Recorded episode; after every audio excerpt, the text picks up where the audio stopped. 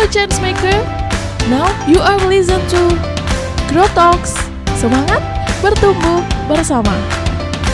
Powered by Grow to Give Indonesia, Grow Bigger to Life Better.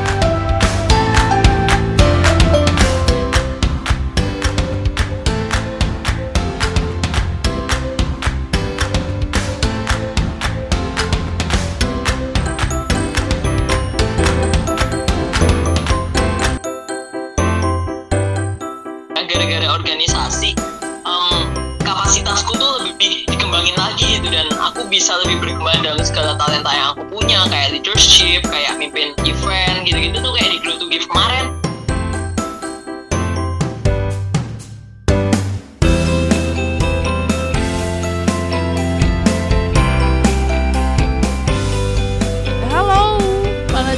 Changemaker, ini hari ini di minggu kedua di bulan Februari kita akan ngobrol-ngobrol bareng anggota Grow to Give juga yaitu Vincent yang ada jauh di sana di Filipina. Halo Vincent, apa kabarnya? Hai hai puji Tuhan baik-baik nih gimana kamu sendiri juga baik-baik nggak Baik-baik banget, alhamdulillah baik di sini. Gimana kesibukan di sana? Udah mulai sibuk ke sana ke sini?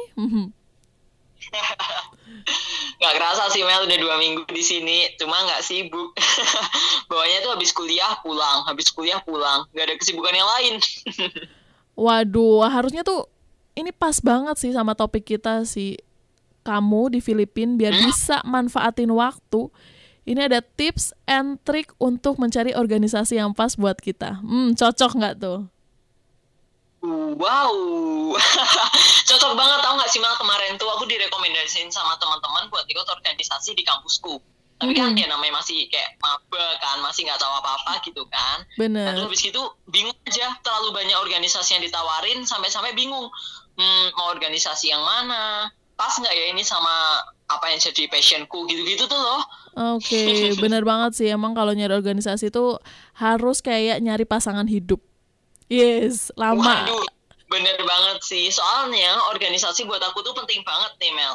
Hmm. Organisasi tuh udah kayak hmm, sebagian hati saya. Wes, apa sih? Uh, Bener-bener gara-gara organisasi nih kayak di Indonesia ya, gara-gara organisasi em, kapasitasku tuh lebih dikembangin lagi gitu dan aku bisa lebih berkembang dalam segala talenta yang aku punya kayak leadership, kayak mimpin event gitu-gitu tuh kayak di Grow to Give kemarin. Jadi hmm. bener-bener ke asas semua, makanya penting banget buat aku. Bener banget sih ya dan juga memang organisasi itu tuh apa sih maksudnya kayak artinya tuh apa sih buat kamu gitu loh Vin? organisasi itu buat aku kayak sarana sih Mhm. sarana yang tepat banget buat aku untuk ngembangin apa yang aku punya misalkan aku bisa ngomong nah gara-gara organisasi yang aku ikutin aku bisa ngembangin teknik bicara aku jadi lebih baik dan lebih bermanfaat. Dan itu jadi Oke. kayak hmm, meningkatkan capacity building banget nggak sih? Oke bener banget sih. Bener bener bener. Kayak kamu nih yang kemarin udah ikut Grow to Give gitu kan kayak IFCAP gimana cara kamu bisa sampai nyemplung di Grow to Give dan nemu di Grow to Give nih? Cara kamu nemu organisasi tuh. Ini harus dikasih tahu ke semuanya Ya, ya benar banget, penting sih. Em, pertama kali dari Grow to Give tuh aku lihat di Instagram. Nah, buat kalian semua nih yang dengerin podcast kita kali ini, teknologi itu sekarang kan lagi wow banget gitu ya. Kita bisa cari semuanya di internet gitu kan. Dan Benar. kemarin tuh aku cari di Instagram macam-macam organisasi gitu dan akhirnya ketemu Grow to Give. Dan langsung aja dong aku baca semua visi misinya, postingannya dari awal kayak Grow to Give tuh apa sih, kegiatannya apa sih? Eh ternyata inline banget, pas banget sama visi misi hidupku. Makanya lang- langsung aku daftar nggak pikir panjang gitu. Eh keterima juga, puji Tuhan nggak ngerti kenapa Grow to Give bisa terima orang kayak saya gitu kan. Waduh, ini kayaknya founder Grow to Give eh, rada waktu itu tuh rada hilang ingatan gitu Vin kali ya milik kamu. Eh enggak loh, tapi gara-gara aku ikut Grow to Give nih ya, Grow to Give sekarang jadi bisa berkembang. enggak, enggak. Asik. Aku yang berkembang maksudnya gara-gara ikut Grow to Give, gara-gara ikut organisasi. Kemarin apalagi yang IFCAM ya, kaget tuh pertama kali ikut organisasi, Grow to Give keterima langsung jadi panitia IFCAM. Hmm, Hmm. langsung ke arah dong bagaimana teknik berorganisasi, teknik Bener. bekerja sama, teamwork, dan langsung keasah banget benar Dan mereka tahu potensi itu gitu loh Mel sebagai MC di mana-mana gitu kan MC kondang maksudnya Wes, kan wes, Kemarin wes, tuh jadi. MC acaranya IFM jadi kayak wow ini satu peluang yang wow banget buat aku ngembangin diriku dalam teknik berbicara dong dan Oh. itu yang membuat aku merasa organisasi itu penting banget Hmm, bener banget sih memang organisasi itu pentingnya di situ kan memang mengembangkan passion kita. Wede. Jadi menurut kamu nih visi misi Grow to Give nih emang udah inline nih sama tujuan hidup kamu atau belum nih? Udah kan saya aku mencoba mengingat visinya Grow to Give itu kan menjadikan organisasi kepemudaan unggulan. Unggul unggul yang penting. Yang maksudnya mencetak pembuat perubahan dan berani bermimpi dan kreatif. Wede, udah kreatif? banget buat aku. Kan aku orang muda. Asik. Bener banget sih itu visinya Grow to Give tuh membuat ya pemuda unggulan Indonesia dari Sabang sampai Merauke. Waduh, mimpinya besar sebenarnya.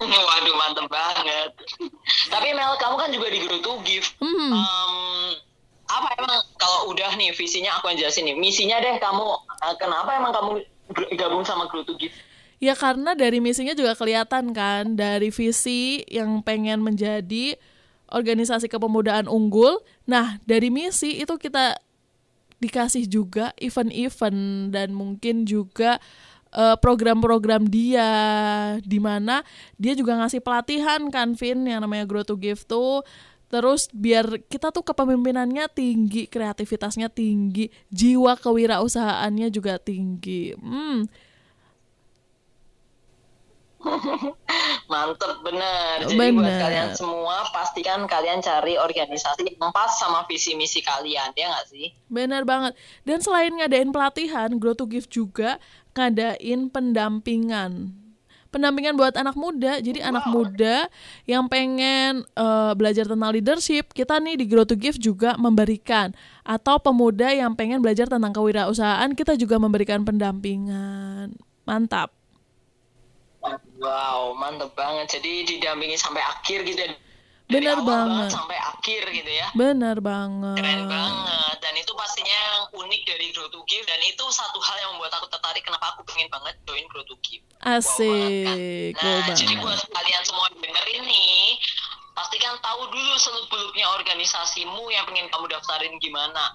Dan pastikan itu semuanya baik, inline sama visi misimu supaya kamu bisa ngembangin dirimu dalam organisasi tersebut. Benar Nah, tapi nih banget. Mel, Mhm. di Filipina ini cari organisasi ya walaupun banyak yang nawarin tapi susah karena kayak banyak banget yang harus aku pertimbangin gitu loh contohnya Hmm. nih em, selain visi misi yang pas ya aku Mhm. harus mengkategorisasikan dulu tuh kayak hmm, mereka banyak banget nih ada yang sport ada yang bagian apa bagian Betul, apa Nah, betul. harus kayak mengklasifikasikan dulu mana yang eh, buat aku karena aku takut nih ketika aku udah poin satu kategori yang pas aku ikutin semua misalnya ada 15 organisasi yang visi misinya sama terus aku ikutin semua Waduh, itu sebenarnya nggak boleh juga sih. Itu juga salah satu tips ya buat anda pendengar podcast Grow Talk nih ya. Jangan sampai kita ngambil organisasi terlalu banyak. Itu jatuhnya nanti kita malah nggak fokus ke badan kita juga kita jadinya lelah. Karena kita nggak bisa mikir 10 organisasi mungkin wah itu kita bakal kewalahan banget sih. Better ya milih satu dua organisasi tapi kita fokus. Yes bener banget. Aku pengalaman banget sih kalau tentang itu. Kayaknya apalagi waktu masih mahasiswa baru gitu ya tertarik banget sama semuanya ikutin semuanya. Tapi pada akhirnya nggak fokus Bener banget. Aku dulu waktu jadi mahasiswa juga gitu sih, Vin. UKM tuh kayaknya pengen gitu diikutin semua. Ada mapalanya lah yang pengen banget jalan-jalan ke gunung. Ada pramuka, ada apa pun pengen diikutin semua. Tapi pada akhirnya justru malah nggak total semua sih. Bener banget. Nah, pastinya nih kalau pas sudah milih satu atau dua, gimana sih cara milih satu atau dua yang paling pas? Kalian semua bisa langsung aja cek apa sih yang menarik dari komunitas atau organisasi yang lagi kamu cari. Mhm. Jadi ketika kita mau gabung, kita cari sesuatu yang unik lah kayak Temori kan organisasi tentang pemberdayaan masyarakat, kemudaan kan banyak banget nih di selain Grow to Give. Tapi aku nemuin sesuatu yang unik dari Grow to Give kayak kemarin IFM gitu-gitu. Jadi aku Oke. langsung daftar Oke. dan itu yang paling penting cari yang unik. Oke, jadi cari salah satu hal yang ikonik dari organisasi tersebut gitu ya. Bener banget. Oke, ada satu misinya lagi nih tentang Grow to Give yang kita belum sampein. Yang tadi udah ada pelatihan, pendampingan. Yang ketiga, membangun jaringan. Tahu gak sih, kita tuh nggak akan bisa uh, membangun jaringan tanpa adanya organisasi juga loh, Fit. Iya gak sih? Hmm. Membangun jaringan. Iya sih, iya sih, bener banget sih Mel. Kalau nggak ada organisasi, terus gimana cara bangunnya ya? Bener banget, jadi organisasi itu juga penting untuk kita membangun jaringan. Jadi dari IF aja nih ya, kita udah bisa kenal dari universitas ini, universitas ini, kemudian dari orang sana, orang sini, gitu gak sih? Hmm, bener banget, bener banget. Apalagi salah satu target yang aku pengen capai nih ketika aku join organisasi adalah punya banyak banget relasi dan waktu tempo hari ikut organisasi ikut dulu tuh give ikut AFM banyak banget bahkan sekarang keren banget nggak sih Mel kalau saya aku lagi ke organisasi uh, lagi ke universitas mana harus tiba-tiba mm-hmm. mereka Hai Vincent Hai Vincent wih padahal aku nggak kuliah di situ Eh, padahal kenal semua gitu kan ya. Pada ada yang kenal aja gitu kita di mana aja. Waduh. Itu tuh pentingnya organisasi. Jadi untuk pendengar podcast, tips and trick udah kita sampein selain visi misinya harus inline dengan organisasi itu. Kemudian hal unik ya ini atau hal ikonik dari organisasi yang mau kita ikutin dan juga harus fokus. Jangan sampai milih 10 organisasi tapi malah nggak ada yang total semua. Milih satu dua aja maksimal tiga tapi kita fokus. Yes. Bener banget. Jadi aku udah siap banget nih besok kalau udah kuliah lagi aku bakal cari organisasi yang pas banget sesuai dengan tips kita hari ini. Kalian juga harus gitu dong. Buat yang masih belum berorganisasi, yuk cari organisasi sama-sama. Cari yang sesuai dengan visi misi dan passionmu. Dan pastinya bisa ngembangin dirimu. Bener banget, thank you banget Vincent Sore hari ini ngobrol bareng kamu panjang lebar. Semoga apa yang kita obrolin bermanfaat buat pendengar podcast kita. Dan sampai ketemu di Indonesia. See you, bye-bye. Bye Sampai ketemu ya, Vin. Sehat-sehat selalu di sana. Yes, thank you, Mel. Jangan lupa tetap dengerin podcast kita tiap hari Sabtu.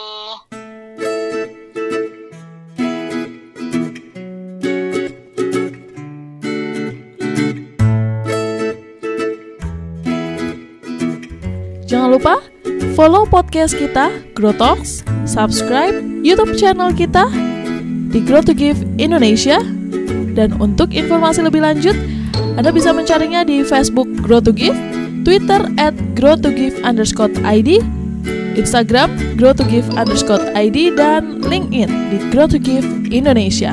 Thank you for listening us.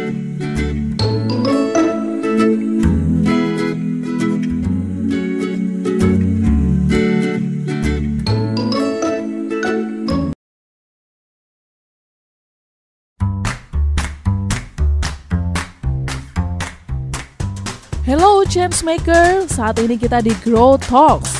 Yuk tumbuh bareng bersama Grow to Give Indonesia. Grow bigger to life better.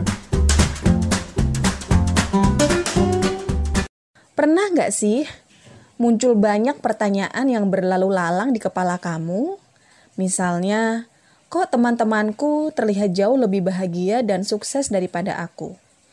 Kok hidupku gini-gini aja sih? Apakah pilihanku udah tepat? Apakah ini jalan yang benar-benar cocok untukku? Kayaknya aku salah jurusan deh. Apa sih yang sebenarnya pengen aku lakukan? Dan bahkan mungkin juga muncul pertanyaan, untuk apa sih sebenarnya aku hidup di dunia ini? Kamu merasa bingung, cemas, khawatir, atau bahkan stres. Ya, kamu sedang terjebak dalam ketakutan diri kamu sendiri yang dinamakan quarter life crisis. Tenang guys, dan jangan khawatir karena kamu tidak sendirian. Quarter life crisis mungkin datang tanpa suatu peringatan. Dia datang dengan mengendap-endap persis ketika kamu mulai merasa terjebak dalam sebuah lubang hitam quarter life crisis membuat kamu semakin terkungkung dalam fase dilema. Dan di podcast kali ini, aku akan memberikan tips tentang cara menghadapi quarter life crisis biar hidup kamu nggak ambiar. Yuk gabung Anti Ambiar Club. Lalu, apa sih itu quarter life crisis? quarter life crisis adalah suatu periode dalam kehidupan umumnya pada seseorang berumur sekitar 20 hingga 25 tahun yang membuat kita sering merasa ragu, cemas dan bingung dengan tujuan hidup dan bahkan terkadang merasa kehilangan diri kita sendiri. Nah, orang-orang yang masuk dalam fase quarter life crisis sering kali merasa tertekan akan faktor internal dan juga eksternal, guys. Faktor internal misalnya, generasi milenial dihadapkan dengan banyaknya aspek hidup yang harus dipikirkan, mulai dari jodoh, karir, hingga aspek spiritual atau keyakinan. Sedangkan faktor eksternal seperti adanya intimidasi harapan-harapan publik yang seakan menuntut untuk dipenuhi. Apalagi sekarang ini kan identik dengan kemajuan teknologi kan. Budaya, serba cepat semuanya, dan tuntutan tanpa celah akhirnya menimbulkan banyak tekanan yang jauh lebih tinggi terhadap generasi sekarang dibandingkan generasi sebelumnya. Lalu, apa sih itu ambiar? Ambiar adalah perasaan kacau, bercerai-berai, tidak terkendali, karena sesuatu yang terjadi di luar ekspektasi kita. Pokoknya rasanya sedih banget sampai nggak tahu mau ngomong apa lagi. Nah, sebuah istilah ambiar ini dipopulerkan oleh Didi Kempot yang dijuluki Sobat Ambiar. By the way, gara-gara viral, kata ambiar sekarang sudah masuk dalam Kamus Besar Bahasa Indonesia loh guys. Nah, inilah waktu yang ditunggu-tunggu tentang 5 tips untuk kamu cara menghadapi quarter life crisis biar hidup kamu nggak ambiar. Yuk join Anti Ambiar Club. Yang pertama, cari dukungan. Ngobrol sama sahabat atau orang yang kamu percaya. Berbagilah apa yang sedang kamu rasakan kepada orang lain. Orang yang kamu percaya tentunya. Kamu bisa menceritakan apa yang sedang kamu rasakan kepada sahabat-sahabat kamu atau juga keluarga kamu. Yakinlah bahwa ketika kamu berbagi, kamu akan merasa lebih tenang dan tidak merasa sendirian. Orang-orang tersebut tentunya juga akan mau menghibur, menemani, dan membantu kamu dalam melewati fase yang sulit ini. Oh iya, jika diperlukan, kamu juga bisa meminta bantuan ke psikolog ya, agar mendapatkan bantuan yang lebih tepat. Yang kedua, sampaikan ke diri kamu sendiri bahwa ini adalah hal normal atau hal wajar. Tenang, kamu gak sendirian kok. Banyak banget kali orang yang di luar sana yang pernah atau bahkan ada di fase ini. Ya, quarter life crisis memang hal yang normal terjadi pada semua orang, terutama yang seusia kamu, 20 sampai 25 tahun. Jadi, jangan menganggap fase ini adalah fase yang penuh beban atau krisis ya guys. Tapi anggaplah ini adalah fase dalam kehidupan yang akan membawa kamu menuju ke kehidupan yang selanjutnya. Kemudian yang ketiga, berhenti membandingkan diri sendiri dengan orang lain. Membandingkan diri sendiri dengan orang lain dalam hal apa pun malah akan memperburuk kondisi diri kamu sekarang. Kamu akan merasa bahwa kamu jauh tertinggal dari kawan-kawan kamu. Hal ini tentunya akan membuat rasa percaya diri kamu menurun drastis loh. Sebaiknya kamu juga mengurangi atau berhenti membuka-buka sosial media untuk mengurangi potensi membanding-bandingkan diri kamu dengan orang lain. Percayalah kalau semua orang itu punya petnya masing-masing, punya rezekinya masing-masing. So, dibandingkan kamu habis energi untuk mikirin itu, kan mending kamu fokus sama tujuan yang ingin kamu capai di masa depan. Betul kan? Selanjutnya yang keempat, luangkan waktu untuk meditasi. Iya, berbicara ke diri sendiri agar lebih mengenal diri. Orang yang paling mampu dan paling ampuh untuk membuat dirimu bangkit dari kesulitan, ya diri kamu sendiri. Cobalah untuk diam dan berbicara kepada diri kamu. Yakinlah, diri kamu sendiri bahwa kamu adalah pribadi yang hebat dan kuat. Yakinlah diri kamu sendiri bahwa kamu mampu melewati segala sesuatu yang ada di hadapan kamu saat ini. Quarter life crisis sebenarnya merupakan ketakutan yang ada di dalam diri kamu sendiri loh guys. Untuk menghilangkan semua rasa takut itu, tentunya kamu harus berbicara ke dalam diri kamu sendiri. Dengan berbicara ke diri kamu sendiri, maksudnya adalah berbicara ke dalam hati sendiri. Ada banyak cara yang bisa dipakai. Misalnya, kamu bisa menulis untuk diri kamu seperti menulis diary gitu atau menulis catatan harian. Sebenarnya, kalau menurut aku pribadi sih, lebih enak menulis surat untuk diri kita sendiri. Misalnya, oh dulu aku pernah ada dalam fase sulit ya, dan aku berhasil melewatinya. Sekarang pun aku juga bisa melewati masalah ini. Nah, jadi diary itu bisa dibaca sewaktu-waktu untuk menjadi pengingat diri sendiri. Cobain ya. Yang kelima, jangan diam saja. Lakukan sesuatu, misalnya melakukan hobi atau membaca buku self-help yang itu merupakan bukan sesuatu yang klise untuk dilakukan. Jadi jangan diam aja, ngelamun, ngerenungin nasib, diem di rumah aja. Ingat, hal itu nggak akan mengubah apa pun.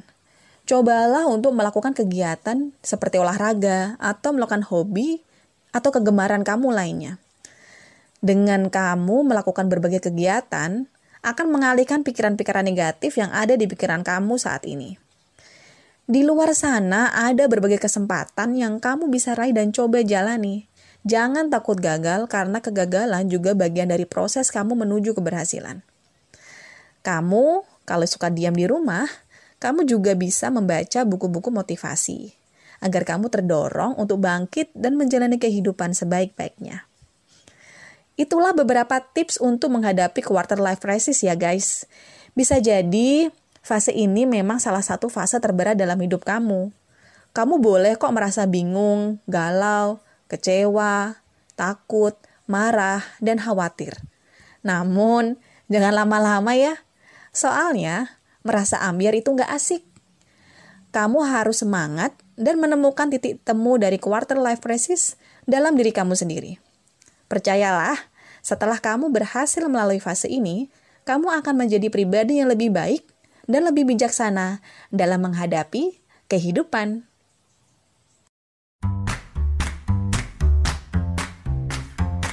Terima kasih guys sudah mendengarkan Grow Talks kita kali ini ya. Kalau kamu merasa podcast ini bermanfaat, please share ke teman-teman kamu lalu jangan lupa subscribe dan komen untuk request tema yang ingin kamu dengarkan. Dan juga don't forget to follow akun Instagram kita di @grow2give_id. So, bye-bye and see you on the next Grow Talks. Tumbuh bareng bersama Grow to Give Indonesia. Grow bigger to life better.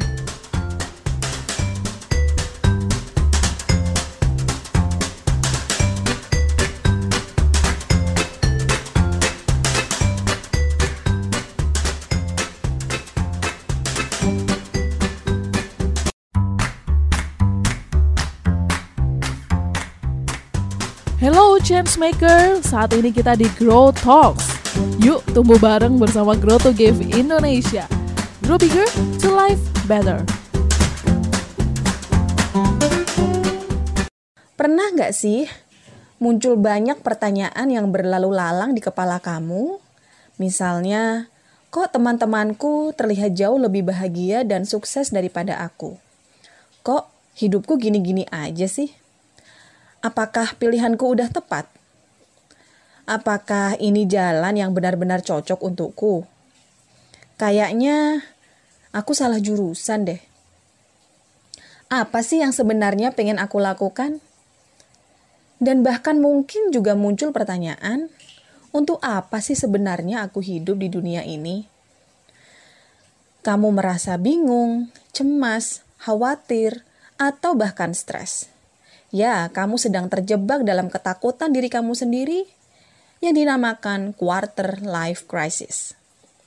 Tenang guys, dan jangan khawatir karena kamu tidak sendirian. Quarter life crisis mungkin datang tanpa suatu peringatan. Dia datang dengan mengendap-endap persis ketika kamu mulai merasa terjebak dalam sebuah lubang hitam Quarter life crisis membuat kamu semakin terkungkung dalam fase dilema. Dan di podcast kali ini, aku akan memberikan tips tentang cara menghadapi quarter life crisis biar hidup kamu nggak ambiar. Yuk gabung Anti Ambiar Club. Lalu, apa sih itu quarter life crisis?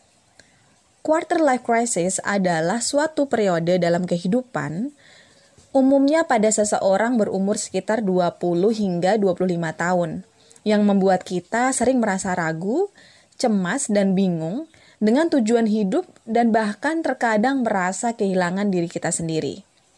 Nah, orang-orang yang masuk dalam fase quarter life crisis sering kali merasa tertekan akan faktor internal dan juga eksternal, guys. Faktor internal misalnya, generasi milenial dihadapkan dengan banyaknya aspek hidup yang harus dipikirkan, mulai dari jodoh, karir, hingga aspek spiritual atau keyakinan. Sedangkan faktor eksternal seperti adanya intimidasi harapan-harapan publik yang seakan menuntut untuk dipenuhi. Apalagi sekarang ini kan identik dengan kemajuan teknologi kan. Budaya, serba cepat semuanya, dan tuntutan tanpa celah akhirnya menimbulkan banyak tekanan yang jauh lebih tinggi terhadap generasi sekarang dibandingkan generasi sebelumnya. Lalu, apa sih itu ambiar? Ambiar adalah perasaan kacau, bercerai-berai, tidak terkendali, karena sesuatu yang terjadi di luar ekspektasi kita. Pokoknya rasanya sedih banget sampai nggak tahu mau ngomong apa lagi. Nah, sebuah istilah ambiar ini dipopulerkan oleh Didi Kempot yang dijuluki Sobat Ambiar. By the way, gara-gara viral, kata ambiar sekarang sudah masuk dalam Kamus Besar Bahasa Indonesia loh guys.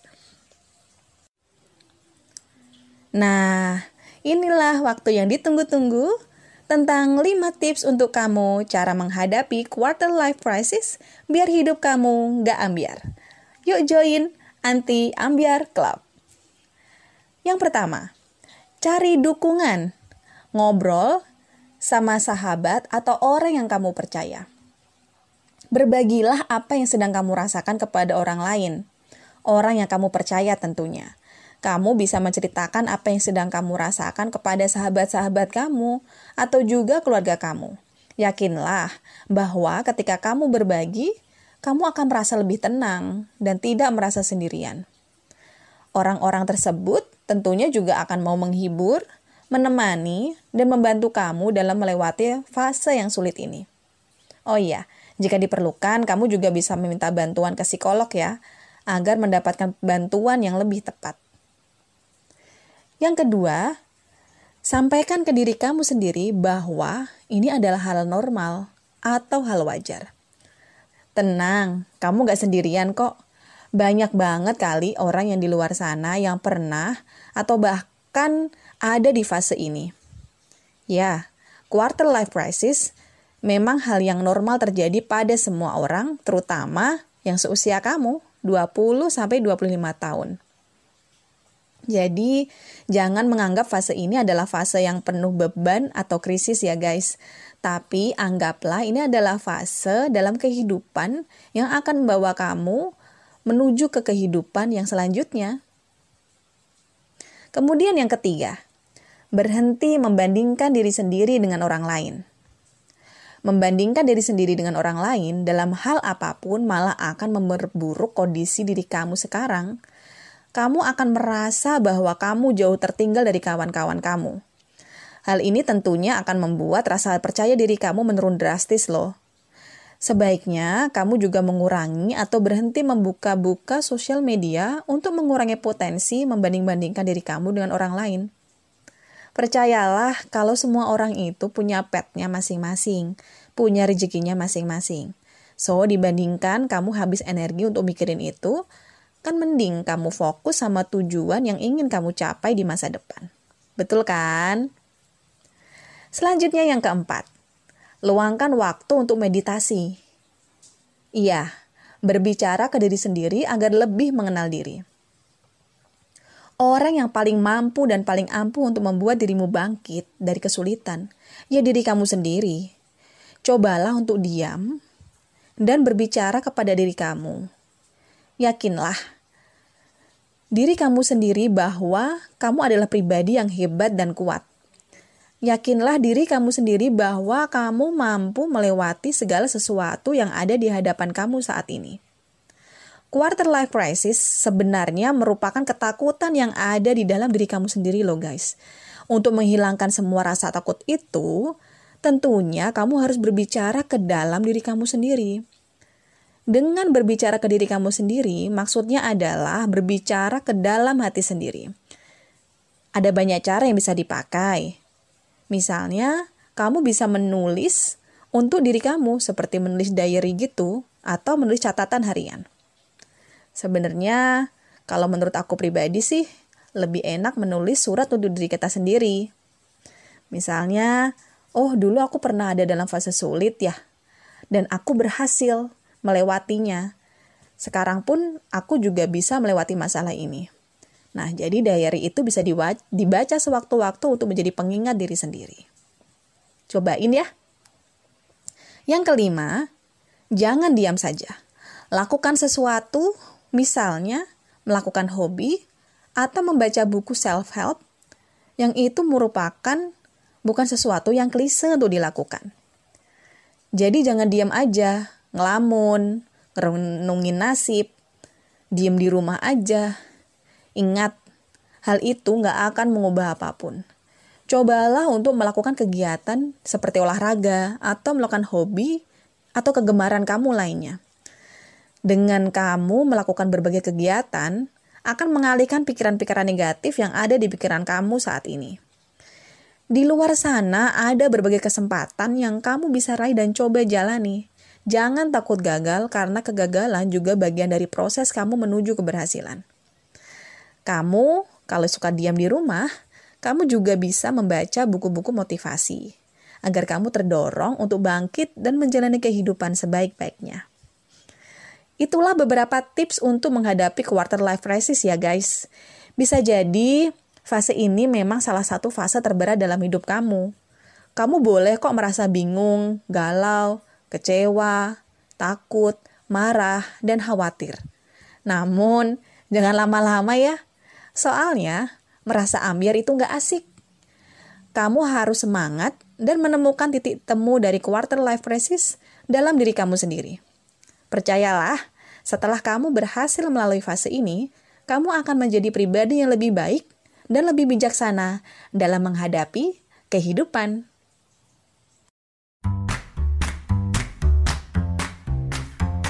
Terima kasih guys sudah mendengarkan Grow Talks kita kali ini ya.